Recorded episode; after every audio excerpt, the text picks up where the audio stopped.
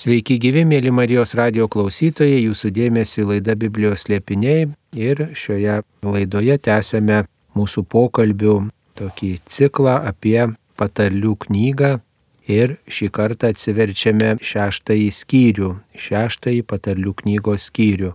Patarlių knyga priskiriama karaliui Saliamonui, išminties raštijos dalis ir išmintis lyginama su tuo, ko kiekvienam žmogui trūksta, su tuo asmeniu, kurį žmogus turi priimti į savo gyvenimą ir juo vadovautis, juo remtis. Tai paties viešpaties dovana, paties viešpaties artumas kiekvienam, kuris jo ieško ir atsiliepia į tai, ką jis dosniai teikia.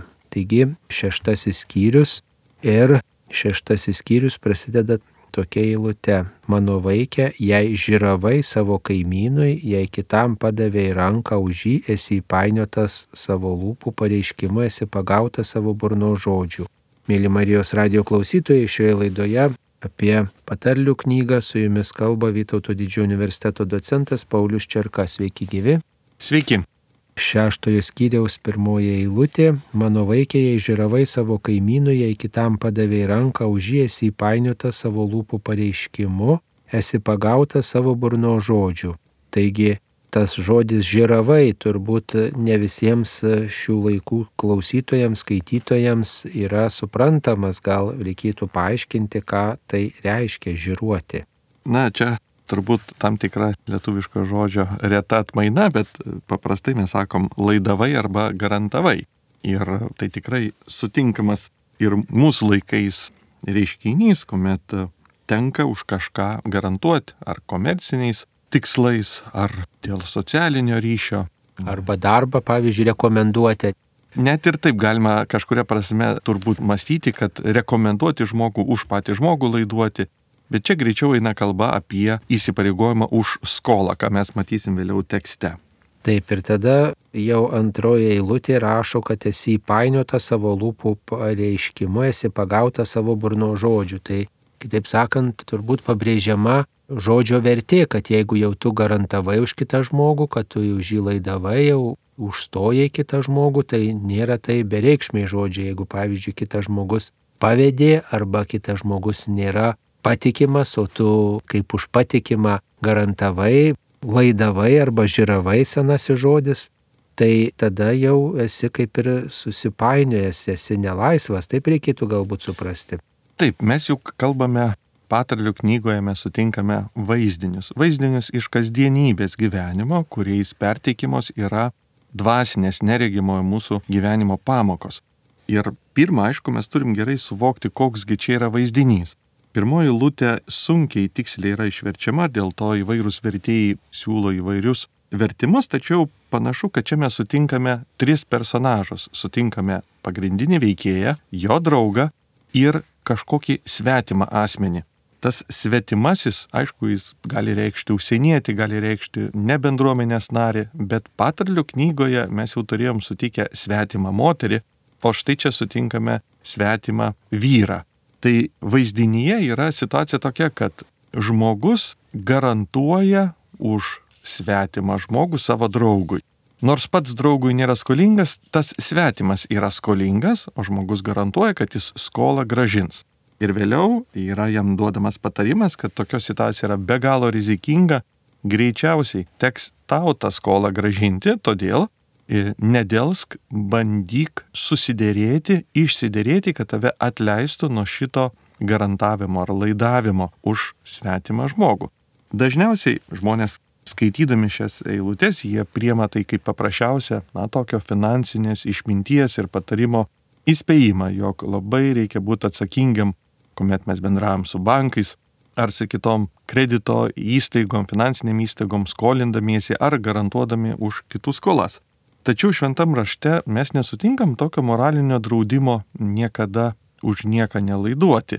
Priešingai yra tarytum, kai kada yra paskatinimas padėti žmonėms e, nelaimę net skolinti arba kitaip jų problemas spręs. Kodėlgi čia Saliamonas patarė jokių būdų nepatekti į situaciją, o patekus kuo skubiau iš jos išeiti.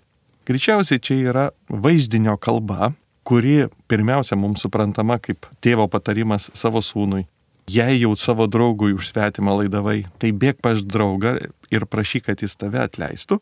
O kągi jis mums kalba tuo vaizdiniu? Na, prisiminkim mūsų viešpaties Jėzaus Kristaus vėlgi patarlės arba palyginimus graikiškai, kuriuose, štai mes sutinkame Luko Evangelijoje, Luko 11 skyriuje, Jėzus kalbėdamas apie maldą, kalbėjo, kad jei kas nors iš jūsų turės draugą ir nuėjęs pas jį vidurnaktį sakys, bičiuli, paskolink man tris kepaliukus duonos, nes draugas iš kelionės pas mane atvyko ir aš neturiu ko jam padėti ant stalo, Onas iš vidaus atsilieps, nekvaršink manęs, durys jau uždarytos, aš su vaikais lovoje negaliu keltis ir tau duot. Aš jums sakau, jei jis nesikels ir neduos jam duonos dėl bičiulystės, tai dėl jo įkūrumo atsikels ir duos, kiek tik jam reikia. Tad ir aš jums sakau, prašykite ir jums bus duota, iškokite rasite, belskite ir bus atidaryta. Štai mes matome, kad Kristus naudodamas tą pačią techniką, kurią mes sutinkame patarlių knygoje, jis panaudoja Dievo ir žmogaus santykius kaip draugystės santyki, skolos klausimai yra nuodėmės alegorija ir tada mes suprantam, jog tai mes esame tas veikėjas, Dievas yra kam skolingas pasaulis, tai yra tam tikras svetimas žmogus, o mes, jei nesikeičiame ir neatsižadame na, senojo gyvenimo būdo, mes tarytum laiduojame už šitą pasaulį ir galime nu, kartu su juo skolomis nugarmėti mes priešingai turime maldos gyvenimu įsižadėti to laidavimo. Labai panašus paraginimas tais pačiais žodžiais, kuriuos mes toj perskaitysime, gelbėkis kaip elniai iš medžiotojo, mes sutinkame apaštalą Petrą. Paštalų darbų antram skyriuje baigė savo pamokslą, sėkminių dieną jis paragino taip. Gelbėkitės iš šios iškrypusios kartos arba padermės, tuo pačiu žodžiu, gelbėkis iš, na, iš šios kultūros, iš šio laikmečio, iš minios nuostatų. Ir šiuo atveju, jei mes nieko nedarome, panašu, kad mes tarytum savo žodžiais laiduojame už nuodėmingą pasaulį ir kartu su juo, neatsiskirdami, galim su tom skolom ir nugarmėti. Tai čia turbūt toksai vaizdiniais perpasakotas labai svarbus krikščioniško gyvenimo elementas, kuriuo mes turime suprasti, kad dvasinė pažanga, ji eina per kryžių, per tam tikrą atsižadėjimą ir dvasinę kovą. Mes tai skaitome katekizmo 2015 numeryje, jog visada dvasinė pažanga apima ir askezę, savęs apmarinimą, atsižadėjimą, nėra šventumo be atsižadėjimo. Kas kopia aukštyn, tam kiekvienas žingsnis yra pradžia, niekad nesibaigiančios pradžios pradžia. Kas kopia aukštyn, niekada nesiliauja trokšti to, ką jau yra pažinęs. Iš bažnyčios tėvų šita citata tai ir būtų tam tikras raginimas tik tai simbolių kalba, mums gerai suprantama situacija, kuomet žmogus vat, laidavo už nepažįstamai.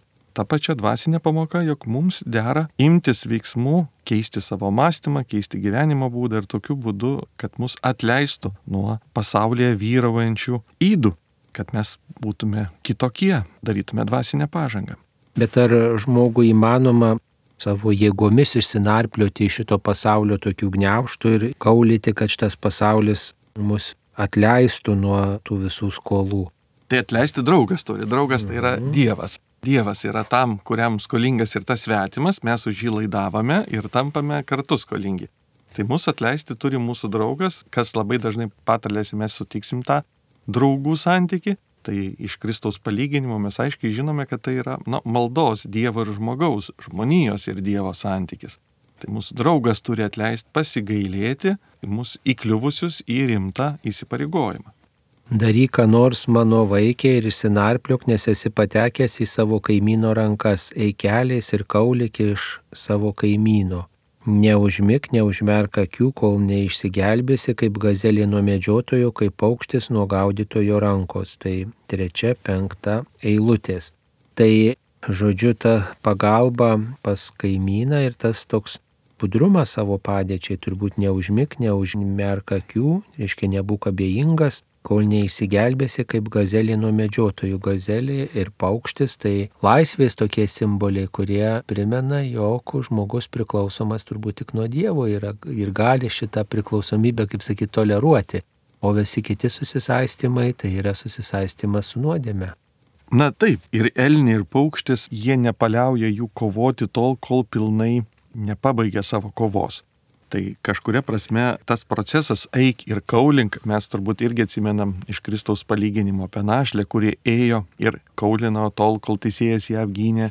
Vėlgi tas atkaklumas maldoje, dvasinėje kelionėje, tol, kol mūsų akis dar neužmygo, tai reiškia, kol mes vis tik dar esam gyvi, tol yra laikas iki mūsų mirties miego kovoti už savo dvasinę pažangą ir iš ties įsilaisvinti iš skolos, tarytum tos skolos vaizdinio ir čia turbūt e, reiktų pasakyti, kad net tėvė mūsų maldoje, kuomet mes melžiamės atleisk mums mūsų kaltes, kaip ir mes atleidžiam savo kaltininkams, tai mato Evangelijoje kalno pamokslė, originalo kalboje pažodžiui būtų leisk mūsų skolas, kaip mes atleidžiam savo skolininkams.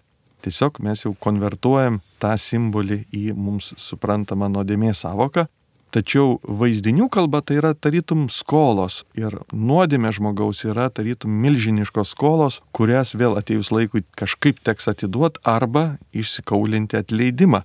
Tam tikra prasme ypatingai čia šiuo atveju eina kalba apie tą svetimo žmogaus, tai yra pasaulio vaizdinio įsiskolinimai ir jeigu mes nepasikeičiam savo gyvenimu, teks, na, toks paraginimas labai rimtai žiūrėti, kad mes galėtume vis tik dvasinę pažangą, keisti savo mąstymą ir nepražūti su pasaulio nuodėmingumu, pasaulio skolomis. Gazelės medžiotojas ir paukščio gaudytojas tai turbūt yra tas velnės, kuris nori žmogų sugauti, paspesdamas pagundus pastus, taip galima gal suprasti. Turbūt. Galutiniam, aišku, veikėjas yra piktasis, tačiau tie spastai yra tokie gal pagundimo vaizdiniai ir mes nekartą matysim, jog paukščio spastai, nu, pirmam skyriui mes matėme apie tiesiamus paukščių spastus, į kuriuos paukštis nors ir mato vis tiek įsipainė ir tas žmogaus neįvertinimas, į kur nuveda sunki nuodėmė, nuodėmės praktikavimas. Tai būtų tie vaizdiniai, aišku, už to galima matyti piktai, bet tai turbūt yra pagundimo toks vaizdinys. Na toliau pavyzdys taip pat yra gyvūnėlis, kurį mes ir Lietuvoje pažįstame, skrusdė, kuri ir žmogų gali pamokyti. Nuo šeštos eilutės skaitome. Nueik pas krusdę tu dykaduonį, patyrinėk jos kelius ir pasimokyk išminties, neturėdama jokio vado ar pareigūno ar valdovo, Ji pripildo savo sandėlius vasarą ir surenka savo peną per pjūtį. Taigi skrusdė kaip mokytoja šeštoje, aštuntoje, šeštos skyriaus patalių knygos eilutėse. Skrusdė, kuri turi išminti, išminti turbūt kaip Dievo dovana arba tiesiog įdėktą tą rūpestį, dirbti, trūsti tam, kad išliktų. Ir turbūt gyvūnai yra tie, kurie moko žmogų ir kitose srityse, ne tik tai darbe, bet ir tokiam augime dvasiniam. Taip, turbūt skrusdėlyno gyvenimas yra įstabus, daug apie jį yra ir mokslinės literatūros, ir populiarios literatūros. Jis tikrai stebina mus savo organizuotumu, tačiau čia yra pagiriama vienas aspektas, jog skrusdė yra pakankamai savarankiška, ji neturi vadovo ir iš tikrųjų tos dvasinės pažangos ir dvasinių pratybų vienas iš principų, jog vis tik mes kai kada liekame patys su savimi ir kažkuria prasme turim priimti savarankišką sprendimą, tarytum be vadovo. Su vadovu yra lengviau, kai kažkas mus stebi, mus disciplinuoja, tačiau ateina vis tiek momentas, kai mes turime patys padaryti ar pripažinti, kad nepaėgim padaryti sprendimo. Toliau matom, kad skrusdė teisingai išnaudoja laiką. Vasara ir žiema yra tas ruošimasis šalčiui, kurio dar nėra, bet kurį tu žinai, kad jis ateina. Čia yra tam tikras vaizdinys žmogaus, kuris žino, jog bus paskutinis teismas, žino, kad ateina teismo valanda ir jai ruošis. Tai tarytum mes to niekaip nejaučiam ir niekaip negalėtume pažiūrėję į dabartį nuprognozuoti tai, ką mes tikėjimu išpažįstame, jog laukia mūsų paskutinė teismo diena.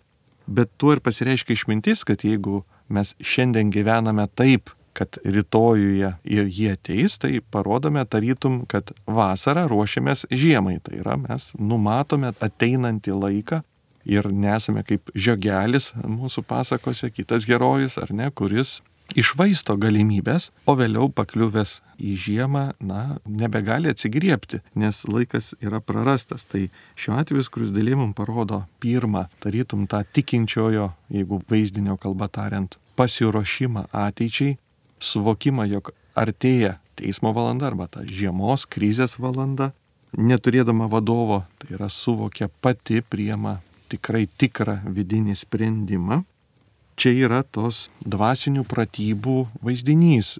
Daugelis ir bažnyčios tėvų ir visas šventas raštas mums perteikė, kad savaime Dievo dovanos ir Dievo turtai jie neįsilaikys.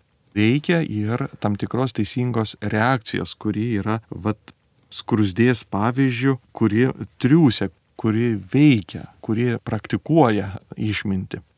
Dar vienas toks aspektas Galbūt galima ir taip traktuoti šitas eilutes, kad kaip skrusdė neturi jokio vado ar pareigūno ar valdovo, bet pripildo savo sandėlius vasarą, bet jinai turi išminti ir galbūt galima taip suprasti, kad tai išmintis per instinktą arba per kažkokį kitą tokį būtinumą įdėkta toje skrusdėje, kitaip sakant, instaliuota tam tikra Dievo programa arba kitaip sakant, Dievas toje skrusdėje vat, veikia ir kreipia į ją tokį gerą tikslą. Tai galbūt ir mumyse yra tas instaliuotas toks patyrimas arba tas troškimas siekti gėrio, tik tai vat, mums svarbu atpažinti tą troškimą, tą tokį Dievo duotą, užprogramuotą mumyse tą pašaukimą būti uoliais, būti tokiais darbščiais ir rūpinti savo rudeniu, savo žiemą, kuriai reikia pasiruošti tam susitikimui su Dievu, kitaip žodžiais tariant. Ar taip, galim taip suprasti?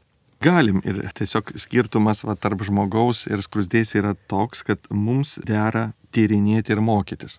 Vis tik žmogus yra tas, kuris na, priema sprendimus, jis nesielgia vien tik instinktyviai, vad neturi tos tokios jau iš ankstinės įdėktos programos, kaip turi skrusdė, jis turi mokytis išminties, svarstydamas, matydamas ir sakydamas, kad jei skrusdė supranta tokius atrodytų dalykus, tai nejaugi aš savo gyvenime būsiu kvailesnis už ją. Čia turbūt vėl prisiminkim Kristaus patarlės, hebrajiškai būtų tas pats terminas, tai graikiškai išversta kaip į palyginimus. Atsimenat apie tris tarnus, kurie gavo talentų ir vienas iš jų užkasė talentą, nieko su juo nedarė. Ir vėliau šeimininkas grįžęs jam priekaištavo, sakydamas tinginį, jis įvardino tinginiu, ir pasakė, kodėl tu neleidai to turto į apyvartą. Tai labai panaši pretenzija, kurią skirdim čia dikaduonė, arba pažodžiui būtų irgi tinginiai. Kodėl tu nieko nedarai su tomis dovanomis, kurias aš tau daviau? Tai šiuo atveju ta na, pamoka yra tokia, ką ir Kristus perdavė savo mokiniams, jog neužtenka vien gauti Dievo dovanos, būtina tą dovaną leisti į apyvartą, nes tinginystė, turiu menį jau čia dvasinę kalbą, jinai taip pat gali pražudyti Dievo malonės. Ir žmogaus aktyvumas ne ta prasme, jog jis tas malonės na, užsidirba kaip atlyginimą, bet ta prasme, kad jis jas išsaugo ir puoselėja. Yra būtinas. Nes tinginystė gali privesti kaip ir realiam gyvenime prie turto iššvaistimo arba išsekinimo, taip ir dvasiniam gyvenime, prie dvasinių malonių netekimo. Taigi šeštajame skyriuje jau labai baramas tas, kuris yra bejingas, kuris yra tinginys ir dikaduonis. Šeštojo skyriaus devintoji lūtė tai prašoma, kaip ilgai tu ten tysosi dikaduoni, kada kelsies iš miego. Truputį pamiegoti, truputį pasnausti, šiek tiek ranka susidėjus pailsėti ir skurdas užklups tave kaip plėšikas bei nepriteklius kaip kareivis su ginklu. Taip rašoma 9-11 eilutėse, šeštajame skyriuje. Taigi, tu ten teisosi dikaduonė, tai tikrai griežti žodžiai, kad dikaduonės, na, užsima tokiu tinginiavimu ir jį reikia žadinti. Žadina ta Dievo išmintis, kuri turbūt kalba per sąžinę žmogui būti nebejingam savo padėčiai, savo patirčiai ir turbūt skurdo visi bijo ir tie žodžiai 11 eilutės Skurdas užklups tave kaip plėšikas bei nepriteklius kaip kareivis su ginklu. Turbūt jau čia yra labai rimtas perspėjimas, nes skurdo visi bijo ir nepritekliaus kaip kareivio, kuris iš pasalų užpuola ir, ir žmogui atneša daug žalos, didžiulį pavojų tiesiog atneša jo išlikimui. Tai turbūt tokie argumentai mūsų fiziniam pasauliu suprantami, bet dvasiniam pasauliu tas skurdas ir nepriteklius, tai turbūt tas toks darybių nebuvimas, ne, gal taip galim suprasti. Taip, darybių nebuvimas, bet dar pavojingiau, kad jų išvaistimas, kitaip tariant, turėtų darybių praradimas. Nes šiuo atveju šitas herojus, jisai panašu, kad jis turėjo turto, bet per savo tinginystę jis liko plikas kaip tilvikas. Iš tikrųjų, ir mūsų, na sakykime, žemiškajame gyvenime mes turime tą reiškinį, jog išskiria tyrėjai, kai žmogus tiesiog yra bedarbis, ieškantis darbo ir vėliau yra kita būsena, kai žmogus tampa, na, ilgalaikiu bedarbiu, praradusiu įgūdžius, profesinius ir kitus tam tikrą užsidėgymą integruoti save visuomenėje, jam būtina to, bet persikvalifikuoti, kas vėl reikalauja didelių intelektinių ir valinių pastangų, emocinio ryšto.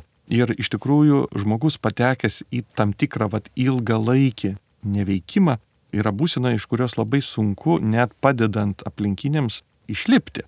Tai ta pati būsena gali būti ir dvasinėje kelionėje, žmogus, kuris nustoja praktikuoti tikėjimą, nustoja ar atsainiai žiūrėti į kasdieninę maldą, ar tai sekmadienio šventimą, ar kitus dalykus, kurie atrodo savaime nėra labai sudėtingi ir paprasti, bet kai jų nelieka, gali prasidėti tai, kas prasideda, na, pavadinkime, kaip vatinginystės atneštas turto švaistimas, sėkimas ir staiga žmogus susivokė, kad jis nebeturi tų jau dabar jau dvasinių turtų per savo neveikimą. Taigi tas plėšikas ir bus abejingumas ir nuodėmė tokiu atveju, kuris užklumpa žmogui ir tiesiog parodo va, tokio kelio pražutingumą. Neveltui turbūt jau nuo 12 iki 15 eilutės jau kalbama apie sukčių, kad sukčius yra tas, kuris taip pat renkasi netinkamą kelią. Taigi tinginystė, tas abejingumas vienas tas kelias, kuris ir fiziniam pasauliu, ir dvasiniam pasauliu atneša nuostolių į pavojų stato, bet taip pat ir tas sukčiavimas, kažkokia apgaulė turbūt. Apgaulė ir fiziniam pasauliu, ir dvasiniam keliui atneša pralaimėjimą. Taigi nuo šeštos skyriaus 12 iki 15 eilutės skaitome. Sukčius nedoras žmogus gyvena suktai kalbėdamas, mirksi akimis, nenustovi vietoje, rodo pirštai, sukta širdimi rengia piktą, nuolat sėdamas vaidus. Žūtis tokį žmogų ištiks taiga, akimoju be vilties atsitiesti. Tai čia jau metama šešėlis tam, kuris pilnas klastos turbūt, tai čia toks nuo tinginio iki sukčiaus kitas antipodas, priešingybė tokia turbūt. Taip, mes turim naują mūsų herojų, kuris atverčiamas kaip suktas, nedoras, hebrajiškai būtų tiesiog belial, bevertis, niekam tikęs, nieko gero negalintis nuveikti ir galbūt čia mes matome paties piktojo vaizdinį, nes matom, jog jisai sėja vaidus ir tie vaidai yra tarp žmogaus ir Dievo. Būtent jo dėka atsirado žmonijos ir Dievo skyrius, na, atsiskirimas, vaidas, karas, tai jis pasėjo nepasitikėjimo sėklą pirmosiose tėvuose. Čia yra tas jo vaizdinys ir vat, reikėtų irgi pasvarsyti tiesiog, kad šventame rašte piktasis vadinamas velniu ir šetonu ir tie žodžiai, jie, na, nėra tikriniai tikrąją to žodžio prasme, jie turi prasmes. Šetonas hebrajiškai reikštų tiesiog priešininkas, priešas, tas, kuris tau priešinasi, tas, kuris tavęs nekenčia, tas, kuris su tavim kovoja, o velnės graikiškai diabolos, jis reikštų, na, tokį, sakykime, liežuvautoje, apkalbėtoje, būtent, na, šmeižiką, tokį klastūną, kurio savybės mes vat, perskaitom štai čia. Ir įdomu yra tai, kad apaštalas Paulius Naujam testamente kai kada tuo pačiu žodžiu diabolos pavadina ir žmonės, kurie tarytum savo charakteriu atspindi tai kartais rašydamas savo bendradarbiui Timotiejui vadina moteris tuo vardu, kurios yra e, ležuvautojos ir šmeižikės. Čia visai nesvarbu yra lytis, bet pati idėja, kad kažkuria prasme mes, būdami žmonės, galime savo charakteriu išreikšti, na, piktojo esmę, pat kaip čia patarlėse iš tikrųjų yra apibūdintas piktojo veikimas žmonijos atžvilgiu. Tai yra kurstimas, nepasitikėjimo vienas kitų skleidimas, klasta, šmeištas. Ir tai sukelia vaidus tarp Dievo ir žmogaus, tarp žmogaus ir žmogaus. Tai svarbu turbūt ne tik tai matyti tą baidą, tą konfliktą arba tą pavojų, bet ir taip pat, kur tai nuveda. Be vilties atsitiesti ir žutis. Reiškia, va tokį kelią pasirinkus. Tai kartais galbūt tai ir gali žmogus sulaikyti nuo nuodėmės, kai suprantu, jog tai vienintelis kelias tik tai į pražūtį, į kančią ir nebus jokios galimybės atsitaisyti, jeigu ten pasiliksi.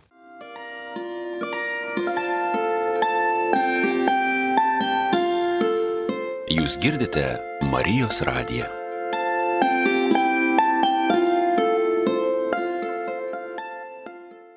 Nuo 16 iki 19 eilutės labai įdomu, kad yra išvardintos įdos nuodėmės, kurios Dievui yra bjaurios, bet įdomu, kad viešpats čia savo žodėje palikęs šeši ir septyni. Kaip čia galėtume tai suprasti? Šeši yra dalykai, kurių viešpats nekenčia, septyni, kurie yra jam pasibjaurėtini.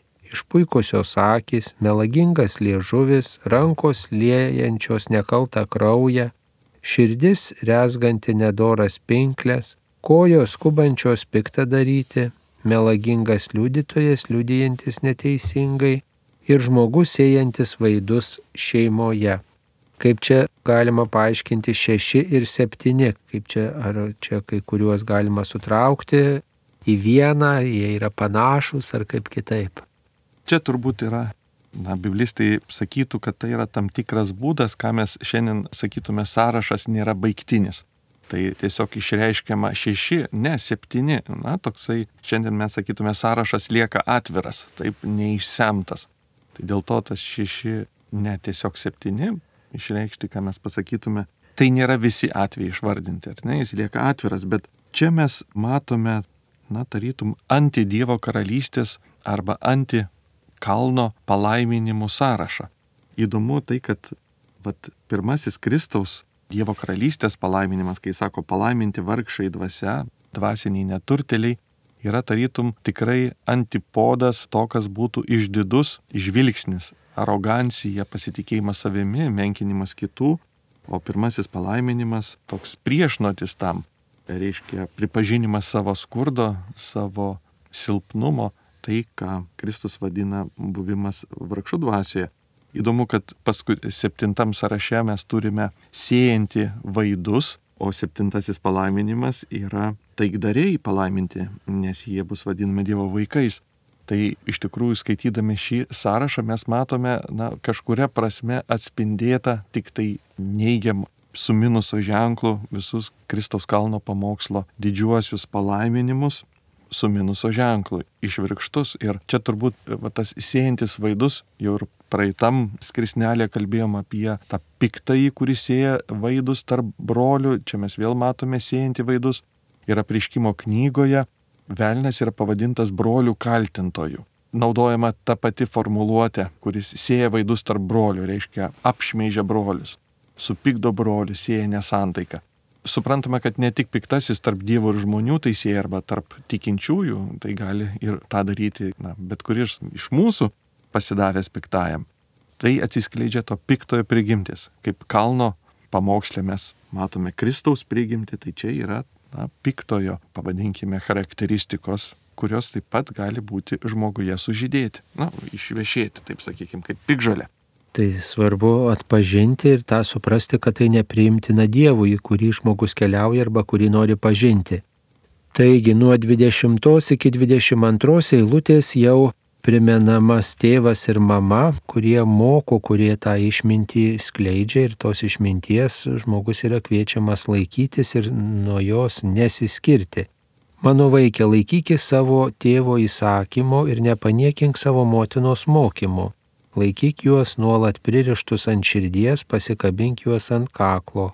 Ką tik darysi, jie tau padės, kai gulsies miego, jie tave saugos, kai atsibusi su tavimi, jie bendraus tai turbūt čia ištikimybė tam žodžiui, kurį pažinau, kad jis lydėtų bet kokiom aplinkybėm. Taip, čia tam tikras yra žodžių žaismas, nes matom, va, tėvo įsakymas hebrajiškai būtų mits, o motinos mokymas būtų tora. Tie žodžiai kiekvienam, aišku, judėjai, jie nepaliko bejonio, kad apie Dievo įstatymą ar apie Dievo mokymą eina kalba, bet čia jis vaizdingai yra perteikimas tarytum tėvų patarimai šeimoje. Ir mes šiandien nuolat turim savo priminti, jog Dievo įstatymas na, nėra baudžiamasis kodeksas, kuriame tam rytum kažkas norėtų mums kažkaip suvaržyti, nors kažkuria prasme visuomeninė tvarka jis nustato irgi kaip ir baudžiamasis kodeksas bando sureguliuoti įstatymus, bet jis yra daug ar artesnis. Jis yra palyginamas tėvų mokymui, tėvų patarimams, tėvų nurodymams, vad šeimos terpėje. Taip mes turėtume priimti ir Dievo įsakymus kaip tėvo, kuris mumis rūpinasi patvarkymus, O vėliau mes vėl matom tam tikrą alegoriją apie vidinį žmogų, visam laiku užsiriški juos ant širdies, apsiviniok aplink kaklą. Na, pakartoto įstatymo knygoje mes skaitome, kad Dievo žodžius reikia ant kaktos ir ant rankos. Ir šiai dienai religingi judėjai gal teko stebėti, kad tam tikrą turi skiautę nuo toros įviniota ant rankos arba ant kaktos. Tai čia patarlių knygoje Saliamonas akivaizdžiai duoda nurodymą į tą aluzija tam tikrą į to žodžius pakartoto įstatymo knygoje, tik šį kartą jis jau kalba apie išmintį, apie tėvo pamokymus ir apie vidinį žmogų, širdį ir kaklą. Tai yra mūsų, na, vidinio žmogaus vieta, kur turėtų ir būti išmintis saugoma ir kita vertus jinai tampa ant kaklo kaip puošmena.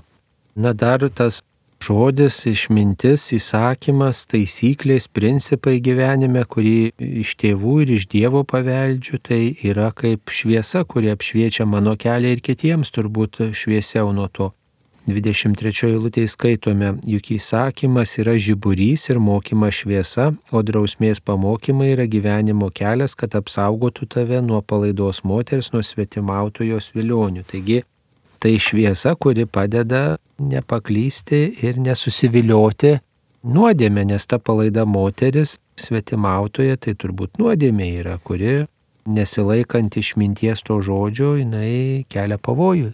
Taip, mes daug kartų sutinkame šią heroję, vadinamą svetimą moterim, neištikimą moterim ir ji yra na, to nuodėmingo pasaulio, maištingo žmonijos vaizdinys arba stabmeldystės įsikūnymas, o priešais ją yra ir išminties veikėja kaip moteris. Ir štai čia labai gražus atsakymas, kad įstatymas yra kaip žiburys, mes ir psalmėse sutinkame tuo pačiu, kad tavo žodis žiburys mano takui. Ir čia prisiminti turbūt reikia Jono Evangelijos pradžią, kuomet mes sakom, kad šviesa atėjo į pasaulį, Kristus jau nebėra tik žiburys, jis yra jau tikroji šviesa, žodis tapęs kūnu ir jis pranoksta. Jei įstatymas buvo tik tai tos ateinančios šviesos atspindys, tai įvyko žmonijos istorijoje vienas keičiantis visą mūsų likimą momentas, kuomet šviesa įėjo į mūsų tarpą ir jau net nebe žiburys, o visa šviesa, tikroji šviesa, pranokstanti Senojo testamento tą švitėjimą, bet visai jau kitų laipsnių, nes ji buvo pati šviesa, jau nebe jos atspindys. Įdomu, kad toji svetimautoja, palaida moteris, kekšė yra ta, kuri nori atitraukti nuo išminties šviesos ir jie kelia didžiulį pavojų ir pagundą. Negeisk jos grožio savo širdie, nesileisk užbūriamas jos žvilgsnių. Bet 26 eilutė labai tokia mislinga, nes kekšės užmokestis yra tik duonos kepalas. Kaip suprasti, kad kekšės užmokestis, nuodėmės užmokestis tabo atpildas duonos kepalas? Čia, matot, yra dvi moteris. Viena yra kekščio, kita yra neištikimoji. Čia dvi herojus. Ir sakoma yra taip, kad užmokestis duonos kasniui yra tos paleistuvės arba prostitutės, pasakytume, o neištikimoji medžioja žmogaus gyvybę. Tai ta neištikimoji, ji nėra prostitutė, ji yra tiesiog neištikima žmona ir jos romano įtakoje žmogus iš esmės praranda visą savo gyvenimą. Jei susidūręs su prostitutė, sakykime, žmogus netenka tik pinigų, tai susidūręs su ta neištikimąją, jis netenka daug daugiau, jis netenka visą savo gyvasties, visas jo gyvenimas, na, yra paveiktas. Tai čia nenorima pasakyti, kad kažkas tarytum yra gerai ar blogai, bet norima pabrėžti, kad ta neištikimoji yra dar blogiau negu prostitutė, ji atima ne šiaip tik pinigus arba kažkokią tai, na, sritį duoną, bet jie atima visą gyvastį. Ir prisiminkim, kad čia yra vaizdinių kalba ir kad ta neištikimoji yra Dievui neištikima moteris savo vyrui, ar ne, jį palikusi. Tai yra tas pasaulis, vadinkim, geismas, nuodėmingumas ir jis yra labai pavojingas. Čia matom, kad patarimas pirmiausia yra savo širdyje negeisk, reiškia dirbk su savo širdimi. Į katekizmą, jeigu pažiūrėsim, mes matysim irgi labai daug akcentavimo, jog nuodėmė šaknis yra žmogaus širdyje, jo laisvoje valioje. Čia skaitau 1853 iš katekizmo skirsnį. Širdie taip pat gyvena ir meilė gerų ir tyrų darbų pradžia. Nuodėmėje sužeidžia. Viskas prasideda žmogaus va, tam vidinėme pasaulyje, viduje. Nuo jos prasideda svajojimas apie gyvenimą, pavadinkime taip, atsiskyrus nuo Dievo, nuodėmingam pasaulyje, čia reiktų pabrėžti, kad žodis pasaulis, na, jis turi daug tų prasmių, jis turi ir pozityvę, ir negatyvę. Čia daugiau aš vartoju tą negatyvęją prasme - nuodėmingumą žmonijos. Per 27-28 eilutėje toks kelias, nuodėmės kelias, neištikimybės kelias yra palyginamas su ugnim, kurią kuriame savo drabužiuose ir tarsi vaikščiojam per žarijas. Argi gali žmogus užsikurti ugnį skreite, nesudegindama savo drabužių, argi gali vaikščioti ant žaryjų, nenusvildamas kojų. Taigi du klausimai, į kuriuos tikrai turbūt išmintingas žmogus, patirtį turintis žmogus pasakys, ne, negali žmogus kurti ugnies savo drabužiuose ir tuo pasinaudoti geram ir taip pat nenusvilti kojų per žaryjas. Tai čia turbūt tas pastiprinantis argumentas, kad neištikimybės kelias atveda į sunaikinimą. Taip, papildyčiau, iš tikrųjų yra labai gražus tam tikras žodžių sužaidimas su hebrajišku terminu ugnis, vyras ir moteris. Na, žydams yra būdinga, jog jie kartais tam tikrą akcentą įrašo ir į žodžių sudėti, raidžių panaudojimą, sąskambius. Hebrajiškai ugnis yra eš, vyras yra iš, o moteris iša na, sąskambiai yra labai panašus. Vieni iš rabinų yra pastebėję, kad jeigu iš iš ir iš a, iš vyro ir moters mes pašalintume po vieną nedidelę raidelę, j ir he, mes paliktume tik tai ugnį, tai yra eš liktų. O iš tos, ką pašalinam, tai yra raidelės iš Dievo vardo. Tai tam tikrą prasme, jeigu iš santokos vaizdinių kalba mes pašalinam Dievą, lieka tik aistra, kuri tokia tiesiog ugnis. Ir kartais tas potraukis priešingai lyčiai jis yra dažnai vaizduojamas ugnies terminologija, ugningumu, užsidegimu. Tai hebrajiškų žodžių žaidimu mes matom, kad santoka nėra vien ugnis, jinai liktų tik ugnis, jeigu jos išimtume viešpati. O čia taip pat aluzija su tom žaryjom ir ugnimi yra tokia, kad na, neįmanoma ugnies saugiai pernešti, nuo jos visada nukentiesi, taip ir nuo geismų.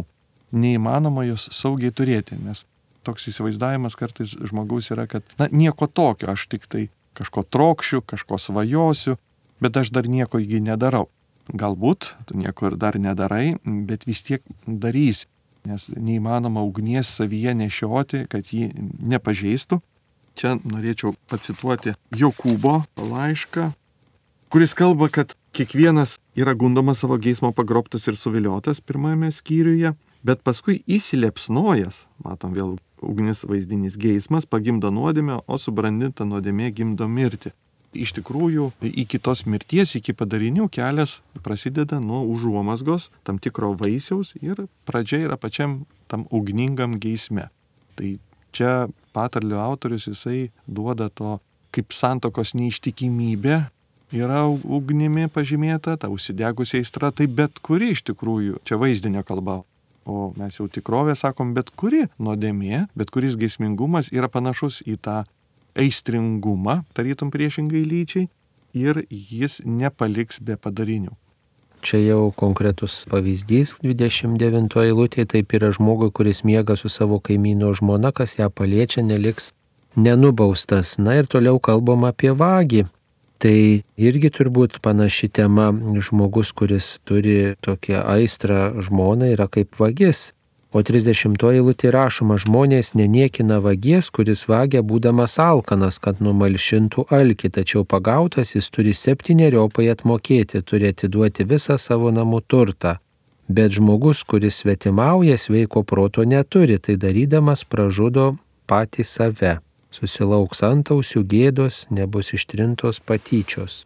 Na ir čia vėliau rašoma, kad pavyduliavimas sukelia įtūžį, keršto pagautas jis nesivaldo, išpirkos jis nepriims kyšio, nedidžiausio atsisakys. Taigi vagis ir tas, kuris svetimauja, sugretinami. Taip, jie sugretinami, bet šį kartą vagis yra akivaizdžiai lengvesnėje padėtyje, jie sugretinami tuo, kad vagis bent jau ir mūsų atveju jisai vagia, nes yra alkanas, o svetimautojas negali tuo pasiteisinti, nes jis turi žmoną. Taip, jis neturėtų būti alkanas. Romanas neatsirado iš jo alkio. Ir iš tikrųjų žmogus palikęs Dievą, na jis negali kaltinti, kad jis buvo alkanas. O kogi jam trūko? Kogi jam trūko gyvenant su Dievu? patarlėse reiškia yra prieš pastatoma, kad vagystė yra lengvesnė nuodėmė negu svetimatariavimas, nes tuo atveju galbūt jinai buvo padaryta iš nepritekliaus ko negalėtų pasiteisinti žmogus nuklydęs pas artimo žmoną, bet čia yra vaizdinys, taip, iš kurio mes suprantam, kad vėl įspėjama yra kiekvienas vyras ar moteris, jaunas ar senas, savo dvasinės kelionės metu paliekantis, na, ištikimybę Dievui ir žengiantis paskui nuodėmingą pasaulį, kuri ir yra ta neištikima žmona, bet jau taip pat palikusi savo vyrą, tai yra Dievo vaizdinyje. Nu ir tas paviduliavimas, kerštas ir kyšio neprieimimas, tai čia turbūt ne tik tai ta tiesioginė prasme, kad vat, jeigu įžeidžiu vyrą, jeigu įžeidžia kažkas žmonos vyrą, su ta žmona turėdamas intimių santykių, tai to vyro įtužį pelno dar kažkokia turbūt ir dvasinė prasme, galbūt čia pasiekmė tos neištikimybės tikėjimo keli tokia liūdna ir Vienareikšmiškai čia tas vaizdinys duodantis mums žemišką, visiems suprantamą tokį paveikslą, iš kurio mes pasimokytume gilesnių tiesų ir čia nors verties pasirinko žodį, sakykime, kyšis iš tikrųjų hebrajiškas žodis, na, yra platus dovanais, priklausomai nuo konteksto jau gali reikšti priklausomai kokiam kontekste jis gali tiesa būti ir kyšių, tam tikram kontekste išpirka, kompensacija arba dovana, na, mes turim jau žiūrėti, kuriam kontekste jis naudojamas. Tai šiuo atveju visada yra, kad padarius nusikaltimą žmogus turi atlyginti žalą, kompensuoti moralinę ir turtinę ir neturtinę žalą ir mūsų laikais, ir tais laikais buvo.